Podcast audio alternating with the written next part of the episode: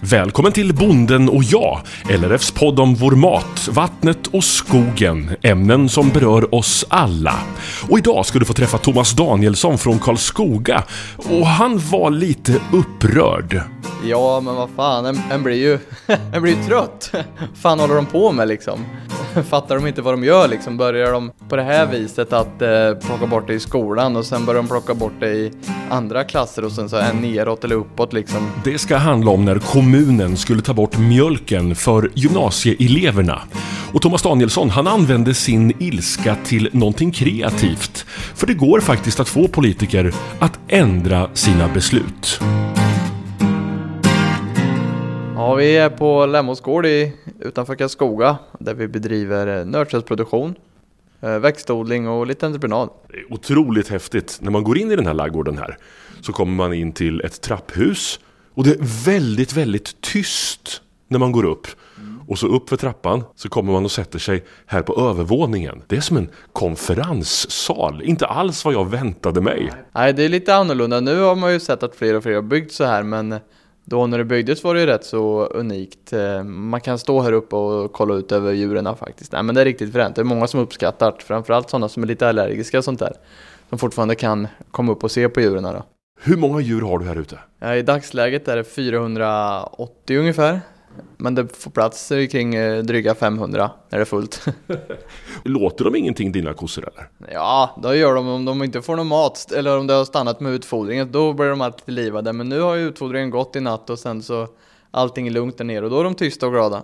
Hörde du, din karriär som lantbrukare då, kan du berätta lite?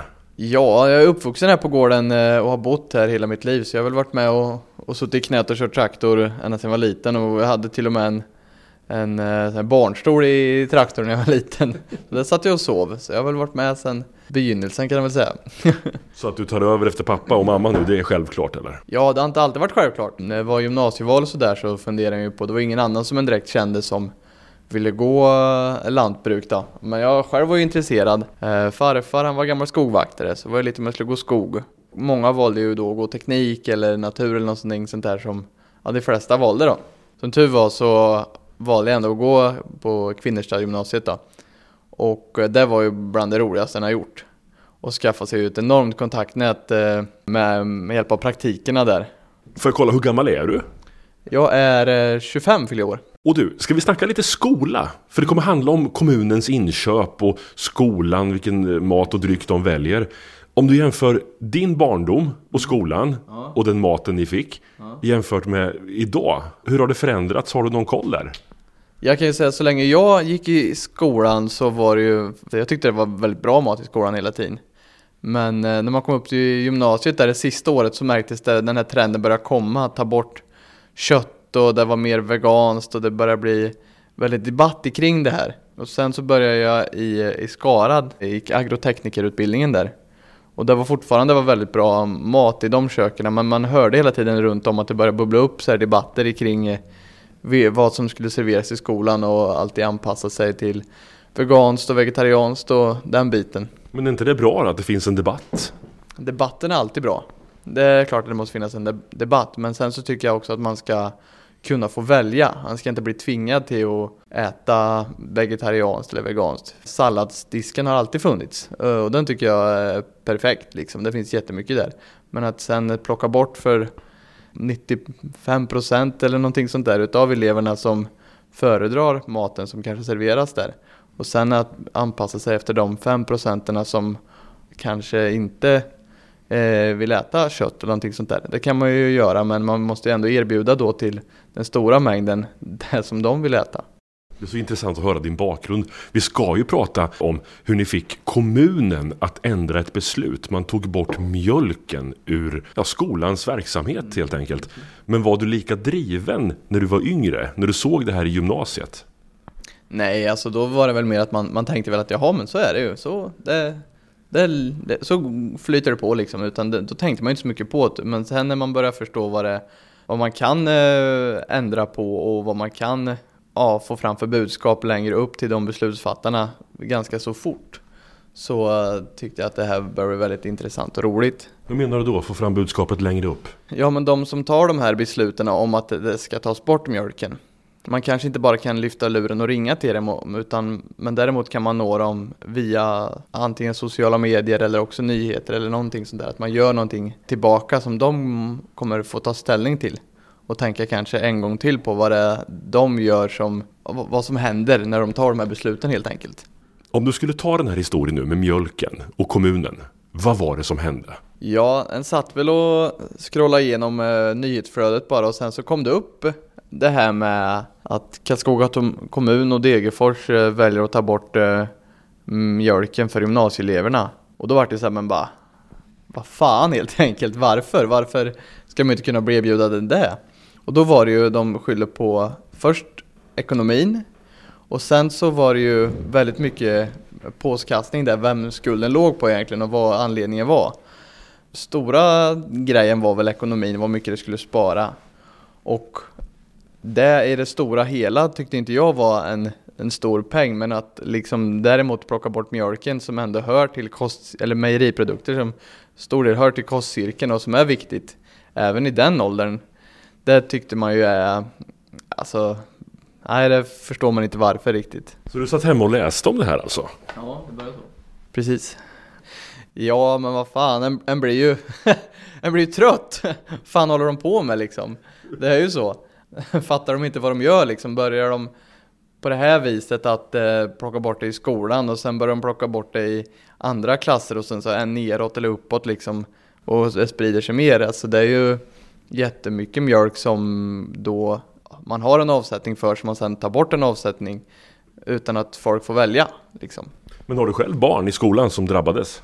Nej, det har jag inte. Men däremot så har jag mycket alltså, små kusiner och liksom, jag känner ju mycket yngre folk och har mycket yngre folk i min närhet som också kom och sa det att vad blir det liksom? Varför? Och du nöjde dig inte med bara läsa det där och sitta och knyta näven i fickan liksom och svära lite på kammaren hemma, utan vad gjorde du? Nej, jag hade ju turen att min eh, fästmö, hon jobbar ju på en eh, nyhetstidning inför jord, för jord, jordbruket. Och eh, så vi var lite snabba på bollen där och gick ner och tog lite bilder i lagorn och skrev ihop ett eh, reportage. Och eh, fick väl ut det redan på kvällen där eller tidig morgon. Och det tror jag gav rätt så bra genomslag och sen så hoppade väl LRF på det också och skrev ut på sin sida och sen spann det vidare liksom. Och det gjorde till slut att Karlskoga kommun tog tillbaka det här med att eh, ta bort mjölken ifrån gymnasieskolorna. Men vänta lite, nu måste vi bromsa in historien. Vilken var själva anledningen till att Karlskoga kommun tog beslutet att ta bort mjölken från gymnasieskolan? Ja, kollar man medierapporteringen, då verkar det vara två olika spår. Det ena är besparingar. Om det ringer vi kommunstyrelsens ordförande i Karlskoga, Tony Ring. Det som eh, eh, låg bakom det var att man behövde eh, effektivisera eller om man pratar svenska spara eh, en del på nämndens budget vilket gjorde att man tittade på olika eh, budgetposter varav den här som rör just mjölken var den absolut minsta. Så man kan väl med facit i hand säga att det borde ju alla varningsklockor ha ringt redan från början eftersom det var en marginell besparing och ändå borde man ju kunna lista ut att det här kunde bli en väldigt eh, omdiskuterad fråga. Folkhälsonämnden gjorde den här bedömningen och det är ju för att det är, är de äldre eleverna, det är ju från 17-18 år och uppåt, alltså de som går i, i gymnasiet. Så beroende på att man utifrån Folkhälsonämndens egen bedömning ansåg att det var så få elever som drack mjölk så därför så kunde man ta det här beslutet. Det är ju en symbolfråga och det förstår jag och, och i det sammanhanget så kan jag ju tycka att det blev lite olyckligt eftersom man kunde få eh, den här känslan av att det här var någonting just mot mjölk och, och kanske mot bönder generellt. Så det, blev, det blev en väldigt konstig debatt och eftersom det var så oerhört eh, lite pengar i sammanhanget, 75 000 kronor, det är ju väldigt mycket pengar för mig som privatperson, men det är ju ingenting i, i en omsättning på över 2 miljarder. Och därför så borde vi förstås ha, ha verkligen diskutera det här på ett helt annat sätt. Om vi gör den bedömningen, även om det inte är utifrån, eh, alltså betingat utifrån eh, nutrition och, och, och vetenskaplig fakta så, så tycker jag ändå att vi kan kosta på oss eh, lyxen och erbjuda de som ändå vill dricka mjölk möjligheter med tanke på att vi har eh, en god ekonomi och, och, vi tycker dessutom att det är viktigt att vi visar att att vi, vi, tycker att det är ett bra livsmedel. Vad tror, du, vad, tror du att de som, vad tror du att de mjölkproducenter som lyssnar tänker om att du pratar om symbolvärde och att dricka mjölk är en lyx? Nej men jag tycker så här att eftersom vi, jag vet inte hur mycket mjölk vi köper in till Karlsborg kommun eftersom alla förskolebarn och, och grundskoleelever dricker förstås mjölk.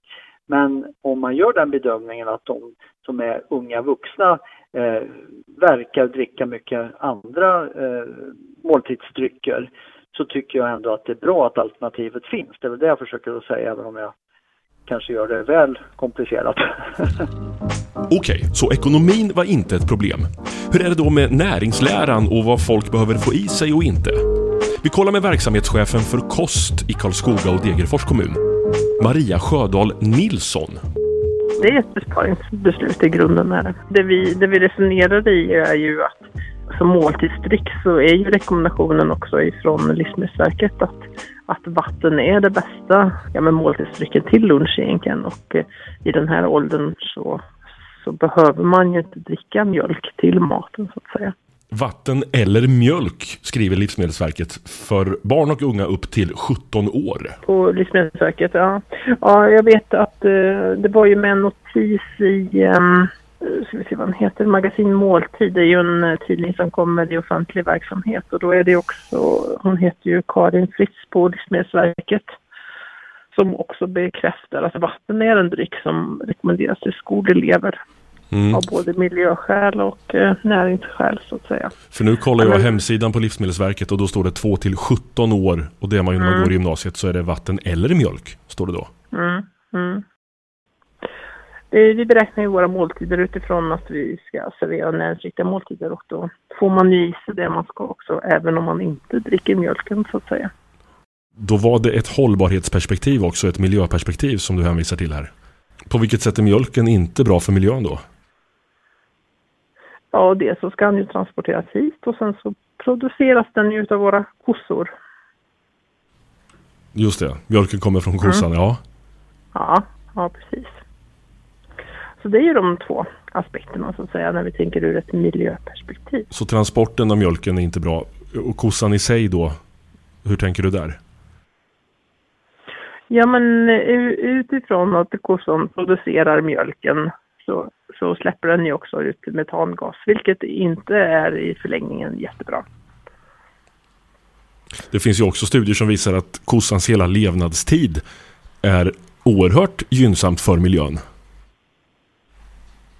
Mm. Ja, men nu, jag, jag säger ju inte, alltså sig är ju bra för andra saker, alltså för betesmarker och det här och det, det, förstår jag ju, men ur ett mjölkperspektiv så att säga och när vi tittar så, så, så har vi ju utgått ifrån det. Så du tycker fortfarande att mjölken inte är nödvändig för gymnasieskolan? Mm, nej, inte som målt, måltidsdryck så behöver den inte finnas. Tillbaka till Thomas Danielsson, Lemmos gård utanför Karlskoga. Ja, men ah, mjölk och eh, svensk matproduktion är i mina ögon någonting som är otroligt hållbart. Om man ska ersätta det med någonting annat så vet jag inte vad man skulle ersätta det med som vore mer hållbart i eh, matsyfte. De lagarna vi har här i Sverige och de eh, hela kedjan som finns och alla de bestämmelserna, riktlinjerna, alla de hårda krav som eh, kontroller. Det finns inget annat land i världen som har dem. Så om inte vi, om inte vi kan producera maten som man, då måste ju någon annan ersätta den. Och då är ju den sämre än vad som vi själva kan göra här. Man måste ju se helheten i det hela helt enkelt. Men vet vi att det är så? Att mat som någon annan producerar är sämre än den som görs i Sverige? Visst finns, alltså nu kollar jag på hela massan om man säger det, alltså stort sett. Men att vi använder minst antibiotika. Vi har de hårdaste reglerna och vi har mest kontroll. Det vet man ju. Det är sådana saker man kan titta på liksom. Det är ju det är svart på vitt. Vad tänkte du om kommunens argument då för det här beslutet? Ja, att det var just för ekonomiska skäl. Jag tyckte inte det var en astronomisk summa som man plockar bort eftersom man ändå måste ersätta det med någonting annat. Och om det bara skulle vara vatten är en sak men Må, då måste ju eleverna helst äta mer ost eller äta något annat mejeri eller aktigt eller något sånt där liksom. Eller om man skulle importera från annat land, menar då direkt så är det ju kört. När det liksom produceras mjölk inom kommunen. Måste vi få i oss eh, mejeriprodukter då? Ja, det finns ju de som eh, säger emot mig, men visst eh, är det väl inte att man alltid måste dricka två liter mjölk om dagen. Men eh, däremot om man ska leva hälsosamt och, och sunt så menar ett par glas mjölk om dagen, det tror jag inte någon dör i förtid av utan det, ska, det skadar ingenting utan gör nog bara nytta. Så här skriver Livsmedelsverket om mejeriprodukter. Mjölk innehåller protein, mineraler och vitaminer.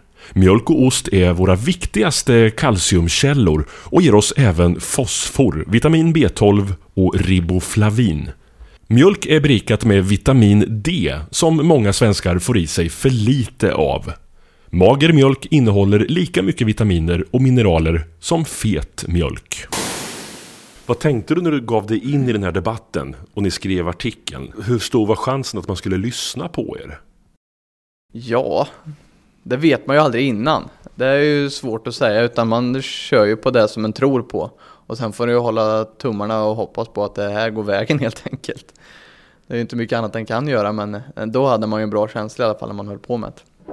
Så hur lång tid tog det innan eh, du såg att beslutet var ändrat och mjölken fick vara kvar?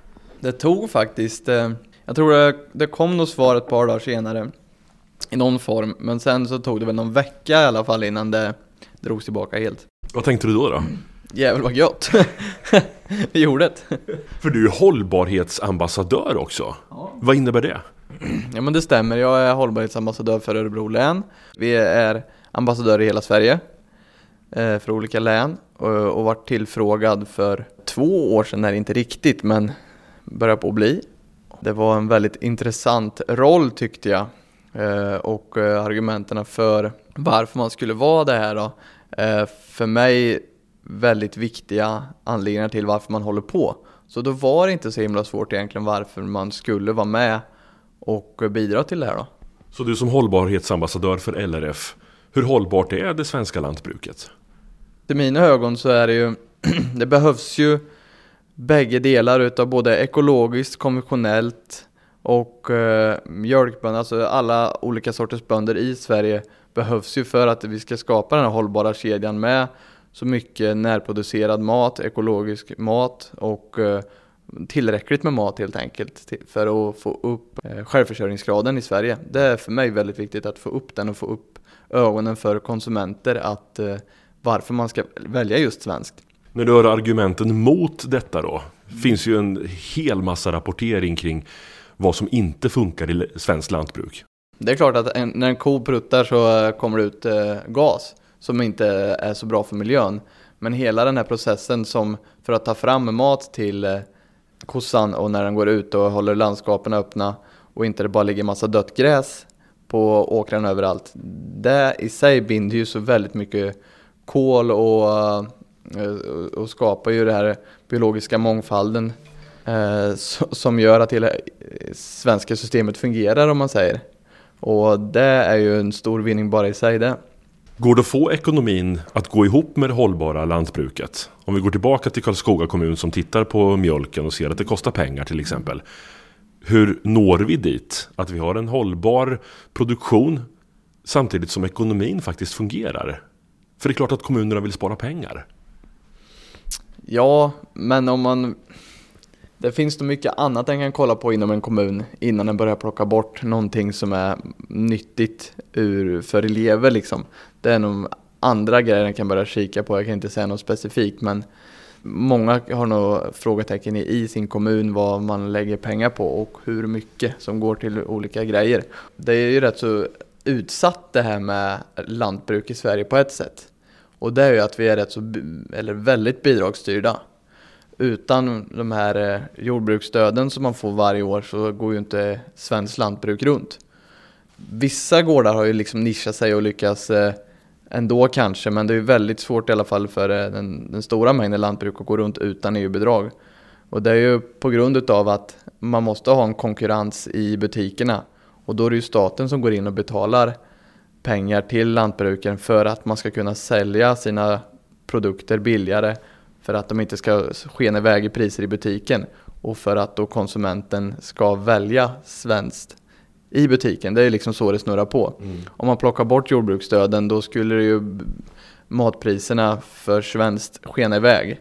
Och helt plötsligt så skulle ju det inte bli försvarbart för en barnfamilj att köpa svenskt till exempel istället för något annat landsproducerat kött. Men det är ett hållbart system att bygga det här på bidrag?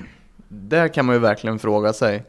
Det, är, det har ju varit debatt och är väl debatt. Eh, men som det är nu så är vi så innystade i det här med jordbruksbidragen att det är svårt att ta sig ur det på ett kick. Utan det är ju liksom det är långt skede innan man kan ta bort dem i så fall. Men som det är idag tycker jag ändå det fungerar bra. Vad är det stora hotet då mot en verksamhet som du har, eller lantbruket i stort? Konkurrensen från utlandet, priser, det finns massor med saker som påverkar er verksamhet. Mm. Som idag, då är det ju de stora utgifterna har, det är ju diesel framförallt. Och eh, det går ju, vi går ju kurser för att köra mer ekonomiskt, det är eco-driving om man ska vara med i, om man ska vara ekologisk jordbrukare så måste du ha vissa kurser och sådär. Och du kan köra eh, bränslesnålt och du kan ha lite modernare traktorer som drar lite mindre. Men det är ju fortfarande att du köper ju, vi köper ju diesel för miljonbelopp liksom. Och det är ju det som är ett rätt så stort hot att antingen så måste man ju komma på något sätt där lantbrukarna kan få större lättnader tills man har löst problemet med vad traktorerna ska drivas med. För det börjar ju komma med eldrivna traktorer i mindre traktorer. Men sen kommer det ju gastraktorer. Så ju Nya Holland hade släppt någon ny här för någon eh, vecka sedan, eller no, ja, i år i alla fall. Mm.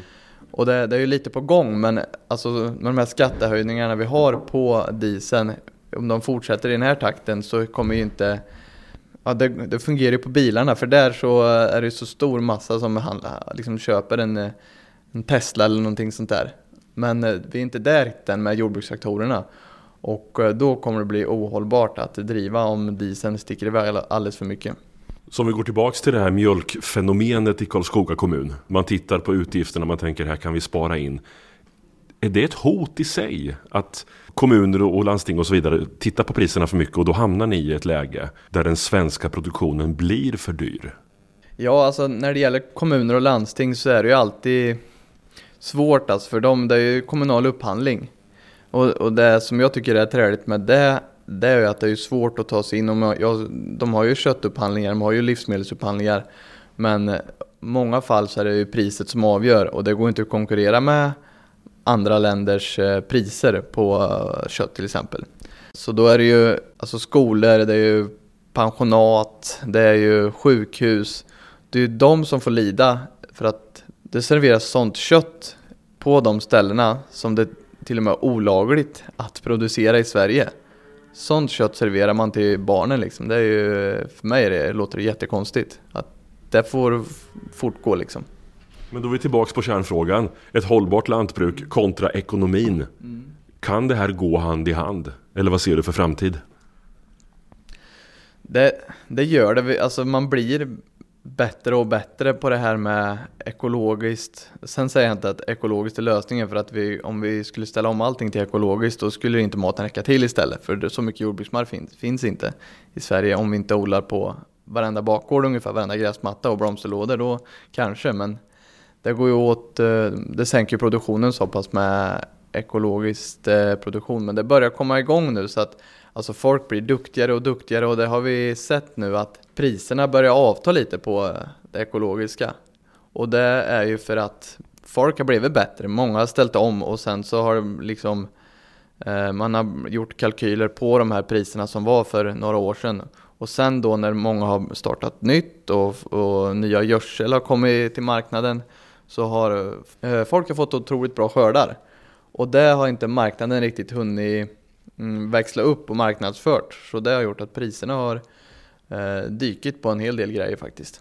Men eh, jag tror absolut på att den här kombinationen med ekologiskt och, och konventionellt och svenskt framförallt och närproducerat med korta transporterna. Det är det som är hållbart.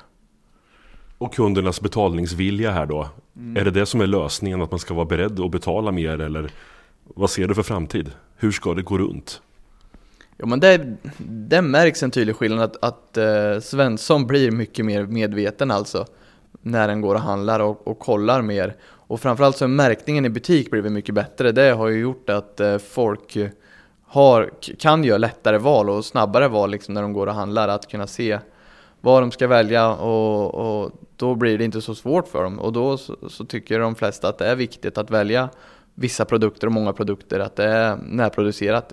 Och jag tror att det är just närproducerat som kommer uh, mer och mer faktiskt. Folk bryr sig om framförallt, uh, de vill veta vart gården ligger som de, som, ja, som köttet på tallriken, liksom vart kos, kossan har gått. Det tycker de är viktigt, mer än att uh, den kanske inte har ätit besprutad havre. Men du, när du står här och blickar ut över era djur, 500 djur, någonting sånt va? Mm. Och vet vad det kostar att jobba med det här och du vet vad du får betalt. Mm. Och så pratar du om att det köps in kött och livsmedel från andra länder som inte är tillåtet att producera i mm. Sverige. Mm. Hur känns det i magen? Vad tänker du? Ja men det, det, är för mig helt ofattbart att det får vara så liksom att det är, och det, det är de som inte har ett val som blir drabbade. Det, det är det som är så sjukt. Att det är de som eh, ligger på sjukhus eller barn som inte förstår riktigt vart maten kommer ifrån. Eh, och skolorna där i storköken där jättemycket mat görs. Det är de som blir drabbade och inte konsumenten som har ett val. Men jag tycker det skulle ju vara Det skulle tas mer hänsyn till att man skulle välja svenskt och närproducerat och det skulle vara lättare igen. Det är mycket regelkrångel som ställer till det för att det ska kunna bli verklighet då. Så det skulle vara, det skulle vara ett smidigare sätt för att eh, kunna använda närproducerat eh, i de stora köken i ens kommun, helt klart.